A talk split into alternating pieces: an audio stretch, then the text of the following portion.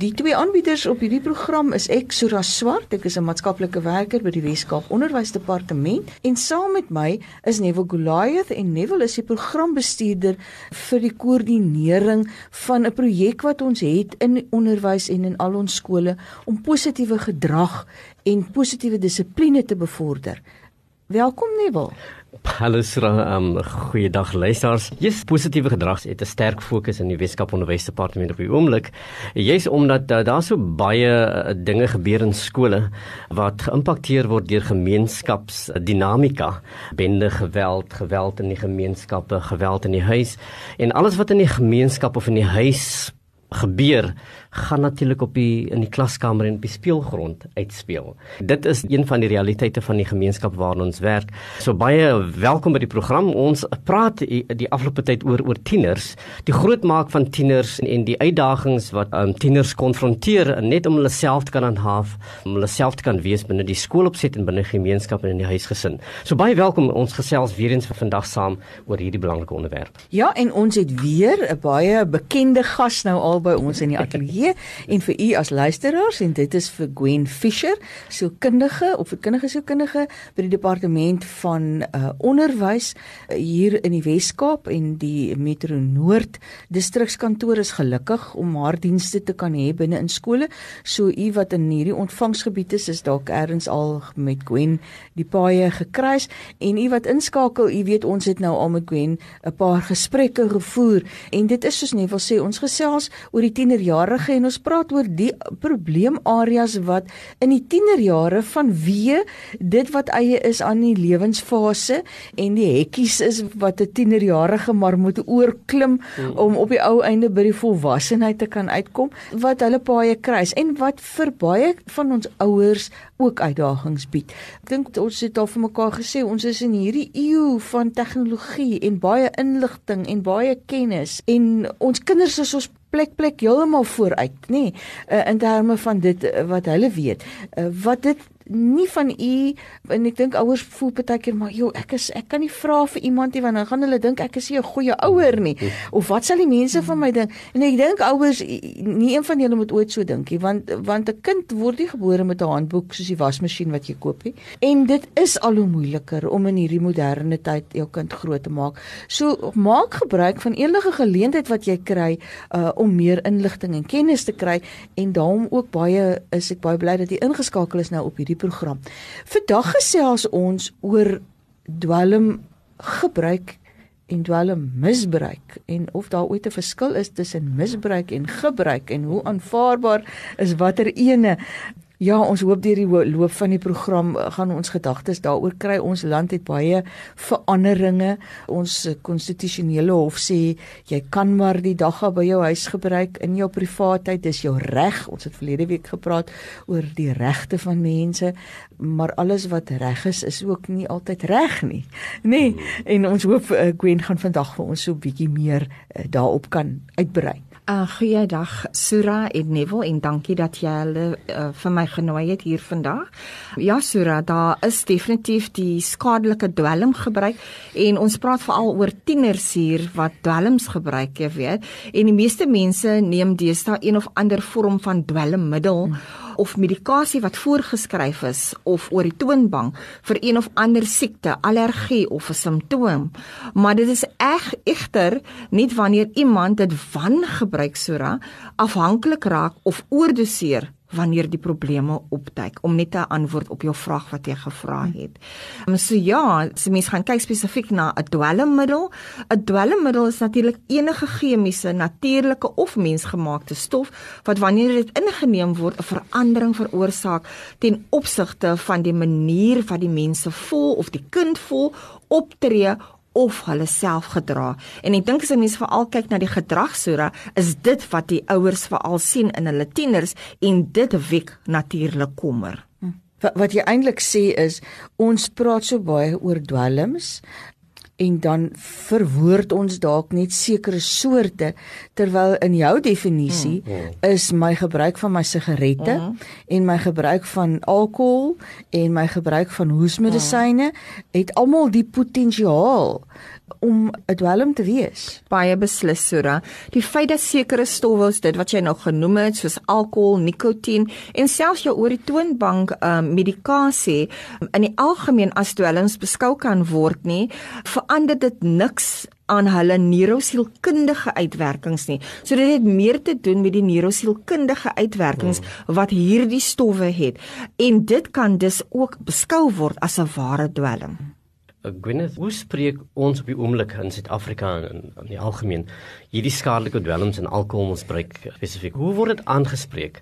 Wat word gedoen om dit soort van teen te kamp? Wat is die tendens op die oomblik?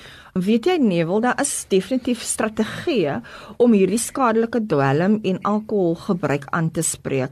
Daar is byvoorbeeld 'n skadelike dwelm en alkoholgebruik word ten opsigte veral van drie kommerwekkende gebiede bespreek. Voorsieningsvermindering. Dit is natuurlik die rol van die polisie daar, die afname, behandeling en ek dink ook in 'n groot mate het dit ook te doen met 'n siegeopvoeding veral by die skole. 'n Mens dink baie hoërskole, maar ek dink ons fokus moet verander veral na ons laerskole hier by jou graad 5 tot 7 leerders en dan ook natuurlik jou behandeling of jou rehabilitasieprogramme wat daar is om die dwelmprobleme aan te spreek. So dit is basies die strategie wat daar in plek is, Neville. Ek, ek moet sê dat dat ek werk in onderwys en, en ek kan vir u sê dat dat onderwys doen uiters baie om hierdie ding te keer, nê? Nee? Uh, maar maar dit is uiters moeilik net om dwelmmisbruik te bekamp, veral as jy mm. binne skool opset is, nê. Nee? Maar daar is sekere riglyne wat wat skole handhaaf ten opsigte van die dwelm en alkoholmisbruik in skole, nê. Wen wil jy vir ons 'n bietjie sê wat is die riglyne wat wat skole uh, handhaaf? Die departement van onderwys Neville ontwikkel wel riglyne vir die instelling van die beleid. Mm. En dit het te doen nommer 1 met voorkoming. Ek dink dit is baie belangrik dat mense op baie vroeë ouderdom en veral by jou laerskole gaan kyk na voorkoming, ingryping en hoe om spesifieke voorvalle by die skole te bestuur. Die benadering word byvoorbeeld jy kyk spesifiek na die volgende beginsels, uh die besit en die gebruik of verspreiding van onwettige dwelms en die onbehoorlike besit, gebruik of verspreiding van onwettige dwelms is nie aanvaarbaar in die Suid-Afrikaanse skole nie. En ek dink dit is tog belangrik ja. dat ouers dit moet weet en dat alle leergeriewe moet duidelike beleide en beide voorkoming en ingryping het en moet deur herstellende oriëntasies gesteun word. So daar moet definitiewe programme in die skool in wees en ek dink dit is waar die fokus is. Daar moet ook konsepriglyne wees. Uh dwelmopvoeding word in die leergebied of in die skole wel in die lewensoriëntering lesse ook ingesluit veral by laerskool en hoërskole en die skool moet hulp en kennis van die ouers of die voogte inwin om sy eie beleid op in te stel en dit moet sover as moontlik in oorleg met die departement van onderwys gedoen word. Mm -hmm. Dwelmmiddel en dwelmgebruik is 'n al groter probleem begin word. En uh, nie wil jy is nou gemoeid met ja. met die skole se hantering van dissiplinêre prosedures nie. Ja, ja. En die indruk wat ons kry is dat uh, baie van die voorvalle van geweld wat op ons skoolterreine plaasvind kan gekoppel word aan ja. aan hmm. aan dwelmmisbruik. Is, is ek reg as ek dit sê?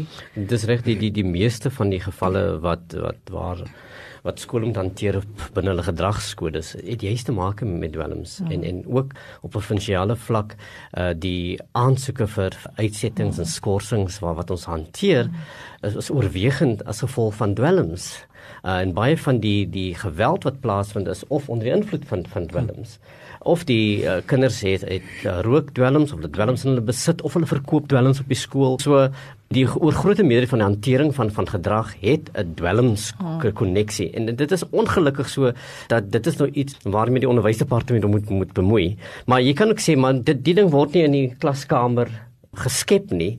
Uh dit is hoe die gemeenskap 'n groot mm. impak het op mm. op die skool as as as 'n stelsel dat die skool is die gemeenskap nê en die, en die kinders is deel van gemeenskap en en skool. So dwelms gaan komponent wees en ek moet sê dat dat die skole het duidelike riglyne soos jy sê uh, Gwen. Uh ons het ook gedragskodes in plek wat wat ons handhaaf, maar dit is nie altyd so maklik nie asof dit 'n daaglikse tendens is wat jy moet soort van manage soos wat jy vir 'n kind elke dag wiskunde moet gee, moet jy ook ook uh net voorkom dat 'n kind by, by die wêreld betrokke raak. So dit so lewensoriëntering as 'n vlak raak ook dan so belangrik. Jy's om hierdie kinders hierdie emosionele intelligensievaardighede te gee om dit te kan haaf. Wat my by die volgende vraag bring Gwen en daai vraag oor verband met hoekom neig tieners dan so maklik dwelms toe? Neville, dit is nogal baie belangrik daar wat jy vra en ek wil net aansluit by jou vorige punt wat jy genoem het dat baie kere is daar baie uitsettings en skorsingsgevalle en die primêre probleem daar is dwelm verwant. Ja. En ek dink dit veral die gebruik van dwelms in die skole gee vir of vir al vir jou tiener daardie gevoel van behoort aan, daardie gevoel van belangrik wees. En ek dink dit is waar dit begin vir die tiener ten opsigte van uh, om dwelms te gebruik. En baie van hierdie tieners in die skole, hulle soek vir daardie gevoel van behoort aan en hulle begin om te eksperimenteer daar met hierdie um, dwelms en hulle besef nie dat hulle agterna afhanklik kan raak daarvan nie. Gwen veral in die ons vind dit veral in onderwyse van departement van veral in die suidelike voorstede nê. Is die dwelmmiddel wat jy oor die counter kan kry maar uh, jy benodig 'n voorskrif daarvoor nê. Xanax. In uh, skoolgaande kinders tot en selfs tot in laerskool neig om hierdie dwelm te gebruik. Wat is die nuwe gier dat dat kinders nou hierdie Xanax en, en, en baie mammas gaan dit in, in hulle en hulle kassies by die huis hê en en kinders neig om hierdie middel te gebruik. Wat is die fashion hier trend? Weet jy nie Neville, uh, baie keer het ouers toegang tot voorskrif uh, medikasie by die huis en baie kere as die um, kind hier 'n moeilike tyd gaan of die kind is byvoorbeeld angstig, sal die ouers byvoorbeeld die medikasie gee. So jy weet natuurlik hierdie stories versprei. So hulle sal aan mekaar vir hulle ander portuïergroepe sal hulle sê van die medikasie en dit is waar vir al jou tieners agtergekom het dat hierdie medikasies kan hulle byvoorbeeld help om te ontspan. Jy weet dit is een van die medikasies medikasies wat natuurlik voorgeskryf word miskien vir angs. Ehm um, so dit is waar dit misbruik word, maar baie keer maak ouers self die fout om te sê ag my kind, ek kan nie sien jy's 'n bietjie angstig, kom drink een van mamma se pille. En dit is dan die nuus wat die leerders dan versprei tussen hulle ander portuïergroepe en dit is waar die geneigtheid daar gekom het om hierdie middels te misbruik. Dit sluit nou weer aan by die gesprek wat ons verlede week gehad het mm. oor die emosionele intelligensie, mm. nê, nee, dat ons allerhande kuns kunsmatige maniere gebruik mm. om van mm. die gevoelens wat ons kinders het om dit mee te hanteer in plaas daarvan om die kind die vaardighede te gee, daai intelligensie te gee, nê. Nee, ek dink 'n mens moet intelligensie in hierdie mm. geval ook sien binne die konteks van die uh, woord intelligensie mm. wat gaan oor inligting. Mm. Nê, nee, intelligensie het ook te doen met met inligting wat ek het, vaardighede wat ek het, die vermoë mm. wat ek het om my emosie te te kan hanteer en en en daarom uh, luisteraars u wat nou uh, ingeskakel was op die program verlede week ek ek hoop u sien ook hierdie hele draad wat deurloop hmm. en die belangrikheid daarvan dat ons kinders um, oor daai vermoëns hmm. uh, moet beskik. Nie wil jy het nou gepraat ons ons moet nou eintlik praat oor die dwelms maar die hele die hele aspek van die voorkoming daarvan en en die uitdaging wat dit vir ons onderwys bied.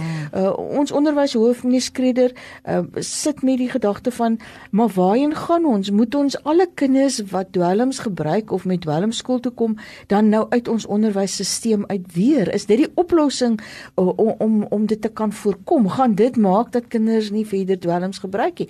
En ek wil vir die luisteraars vra, uh, die SMS nommer is 32716. Uh, stuur vir ons asseblief u idees. Wat dink jy hoe moet ons maak om die dwelm uh, gebruik en misbruik want ek ek ek dink dwelms moet 'n mens nie saam met gebruik nie want dit voel vir my dit het net 'n negatiewe effek. So ek wil praat oor dwelm misbruik want want dit is nie goed vir ons kinders nie. Hoe kan ons maak om dit te verminder? Wat moet ons doen? Vir jou Gwen wil ek vra, hoe raak 'n ouer bewus daarvan dat sy kind besig is? Want eksperimentering hmm. is deel van hmm. van die die adolessent, nê? Nee, beproef alle dinge en behou die goeie, maar hulle behou nou nie altyd die goeie hmm. nie, maar hulle beproef al die ander dinge. Hoe maak 'n ouer? Hoe weet ek? Wanneer raak ek bekommer? Ja, ja, Sura, dit is so reg daarso. Weet jy die eerste ding is onthou ons het te doen met die kind se funksionering. En ons moet die kind se funksionering gaan dophou. En wat is die grootste funksionering? Dit is skool. En wanneer jy of die, jy sien dat die kind is besig om sy skool te verwaarloos. Hy doen nie meer huiswerk nie. Daar kom briefies nou van die skool af. Hulle wil nie skool toe gaan nie. Hulle wil eerder by die huis bly. Hulle bank hulle klas, hulle bly weg van die klasse af. Hulle vermy die werk en soms skiep hulle ook net hulle maats af.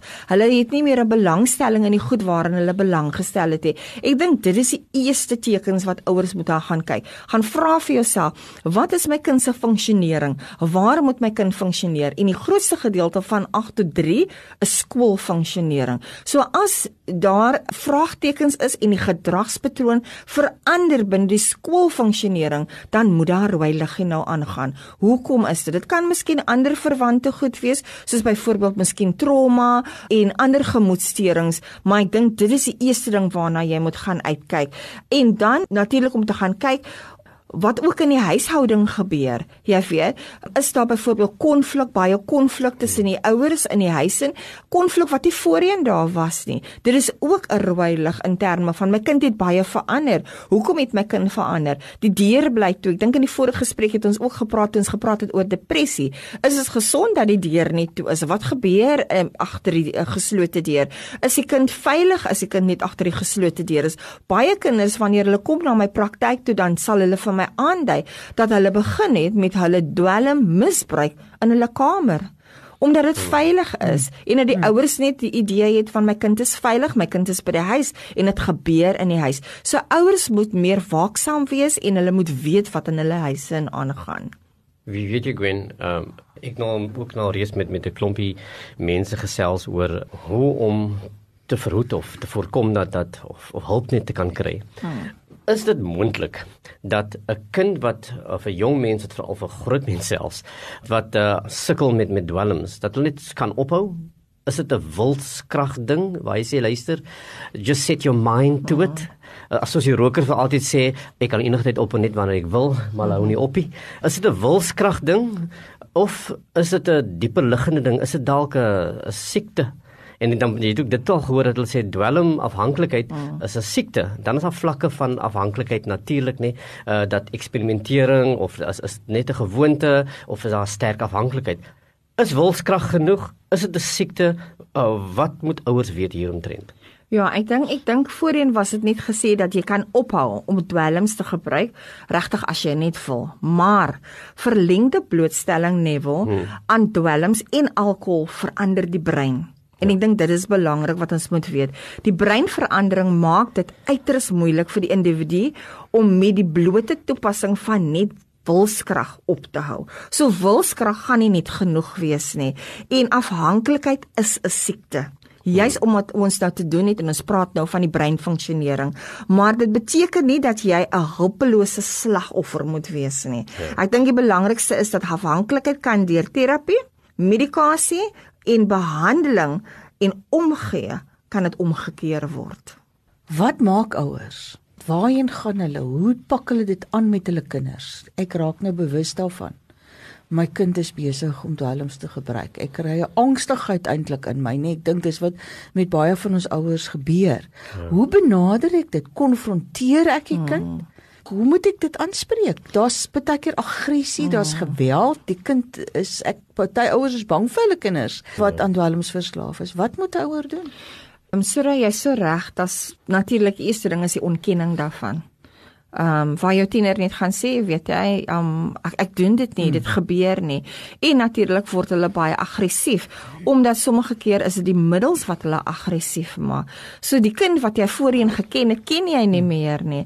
So ek dink dit is belangrik dat baie keer gaan jy as daar so hierdie patroon van ontkenning is en jy as ouer moet dan die verantwoordelikheid neem om die verantwoordelike ding te doen, gaan dit wees dat jy die kind moet neem vir die nodige toetse. Omdat jy dan nou die rooi tekens gesien het dat die skoolwerk besig is om agteruit te gaan. So ek dink in daardie geval moet jy eers 'n gesprek hê met jou tiener en sê ek is bekommerd hieroor oor die skoolwerk wat agterkom of ek het agtergekom dat jy byvoorbeeld uit die huis uit is of wat ook al.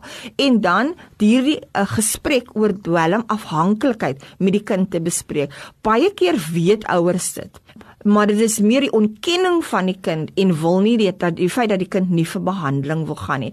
Daar is definitief programme, daar's ehm um, binne programme, binne pasiëntprogramme en ook buite pasiëntprogramme. Buite pasiëntprogramme gaan wees waar jy byvoorbeeld die kind uh, jou tiener kan neem vir behandeling na sielkundige toe wat byvoorbeeld spesifiek kan kyk na eh, kognitiewe terapie en binne pasiëntverandering gaan natuurlik wees die ekstreem waar jou kind dit vir 'n baie lang periode geneem het en wat moontlik dan ook onttrekkingssimptome gaan kry. So ek dink dit is waar jy byvoorbeeld gaan kyk na binne pasiëntprogram. Maar ek dink die belangrikste is om eers daai gesprek te hê en om die vertroue van jou kind te wen. Gwen, is daar voorkomingsprogramme? Want eh, want daar's ook baie kinders wat nog nie dwelms uh, gebruik het nie. Hulle weet daarvan, hulle sien dit. Hmm. Uh, maar die belangrikheid is natuurlik om om te keer dat hulle daar gaan. Is daar voorkomingsprogramme in die gemeenskappe waar ons kinders hulle bevind en selfs in die skole Ja, baie beslis nie. Wil ek dink die fokus veral in die WKOD nou is baie sterk op die voorkomingsprogramme vir dwelms en ek dink die doel van die voorkomingsprogramme is om te keer dat die leerders of die tieners dwelms gebruik of aanhou om dwelms te gebruik wat na misbruik kan lei en of natuurlik gaan na afhanklikheid. Ek dink die voorkomingsprogramme Neville moet veral fokus op die behoud van die familiestruktuur. Ek dink die familiestruktuur is baie belangrik van die persone wat geraak word deur die middelmisbruik en diegene wat van dwelms afhanklik is en dan die ontwikkeling van toepaslike ouervaardighede. Ek voel dat ouers het net nie die vaardighede om te weet dat hulle tieners in gevaar in is nie. En dan moet ons net die daardie bewustheid skep en die opvoeding van die publiek om oor die gevare en die gevolge van dwelmmisbruik te praat. Ek dink as ons dit kan kyk en veral dit kan begin in ons skool en in ons skoolgemeenskappe, dan gaan ons suksesvol wees. Maar daar is definitief voorkomingsprogramme in die gemeenskap en dit word ook bevorder deur die skoolgemeenskap en die onderwyserdepartement as ons nou praat oor voorkomingsprogramme dan is daar baie menings wat mense daaroor het, mm, nê. Nee. Daar's ja ouens wat sê moenie vir die kind dit wys nie want dan gee jy vir hom die menu en dan mm, dan wil ja. hy daarvan aan afgebruik. Voorkomingsprogramme dink ek ook rondom ouers se voorbeelde mm. wat hulle stel, mm. nê, nee, en hoe dat hulle um, vir kinders wys op die praktiese implikasies van mense rondom hulle. Sou ek mis dit sou ook kon gevang gebruik Ja ja baie beslis Sura ek dink dit dit sal 'n goeie aspek wees van baie keer sê ons een ding Ons spreek een ding, maar ons kan dit self toepas. Dieselfde met die emosionele intelligensie waaroor ons gepraat het. Ons verwag dat ons kinders hulle emosies moet kan reguleer, hulle impulse moet kan reguleer, maar ons, die ouers self sukkel daarmee. So ek dink as ons eers met ons begin, as ons rol as ouers en ons voorbeeld wat ons uh, het, sal dit baie help. Wanneer verwys jy kind na sielkundige of 'n maatskaplike werker om om professionele hulp te kry. Nee, wil ek dink dat so ver as moontlik en so gou as moontlik. Um sodra jou kind erken en jy het die nodige toetse gedoen, jy kan natuurlik bloedtoetse ook doen om vas te stel watter uh dwelms jou kind misbruik en as jy weet so gou as moontlik jou tiener te neem na die sielkundige toe vir 'n proses van 'n uh, terapie. En terapie kan byvoorbeeld insluit verskillende vorms van terapie, maar dit gaan ook in groot mate wees ook gesinsterapie, want die gesin moet ook die nodige hulp kry hoe om die tiener te hanteer en ook 'n vorm van kognitiewe terapie sal ook baat. Gwen en dien ouers vir jou wil kontak, kan hulle vir jou kontak? Ja, baie beslis. Waar kan hulle vir jou kontak? Uh nee, wil ek sal sommer my selfoonnommer yes. gee. Dit is 084 801 1989.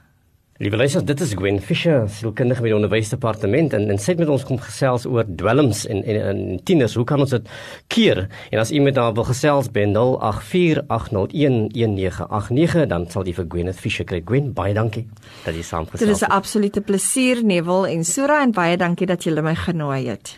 Ouers en dan wil ek weer vra daai daai SMS nommer 32716. Ons sou baie graag van u wil verneem oor hoe kan ons hande vat? Watter idees het u dat ons kan gaan kyk hoe bekamp ons die gebruik van dwelms veral dan by ons skoolkinders. En daarmee sê ek totsiens. Totsiens.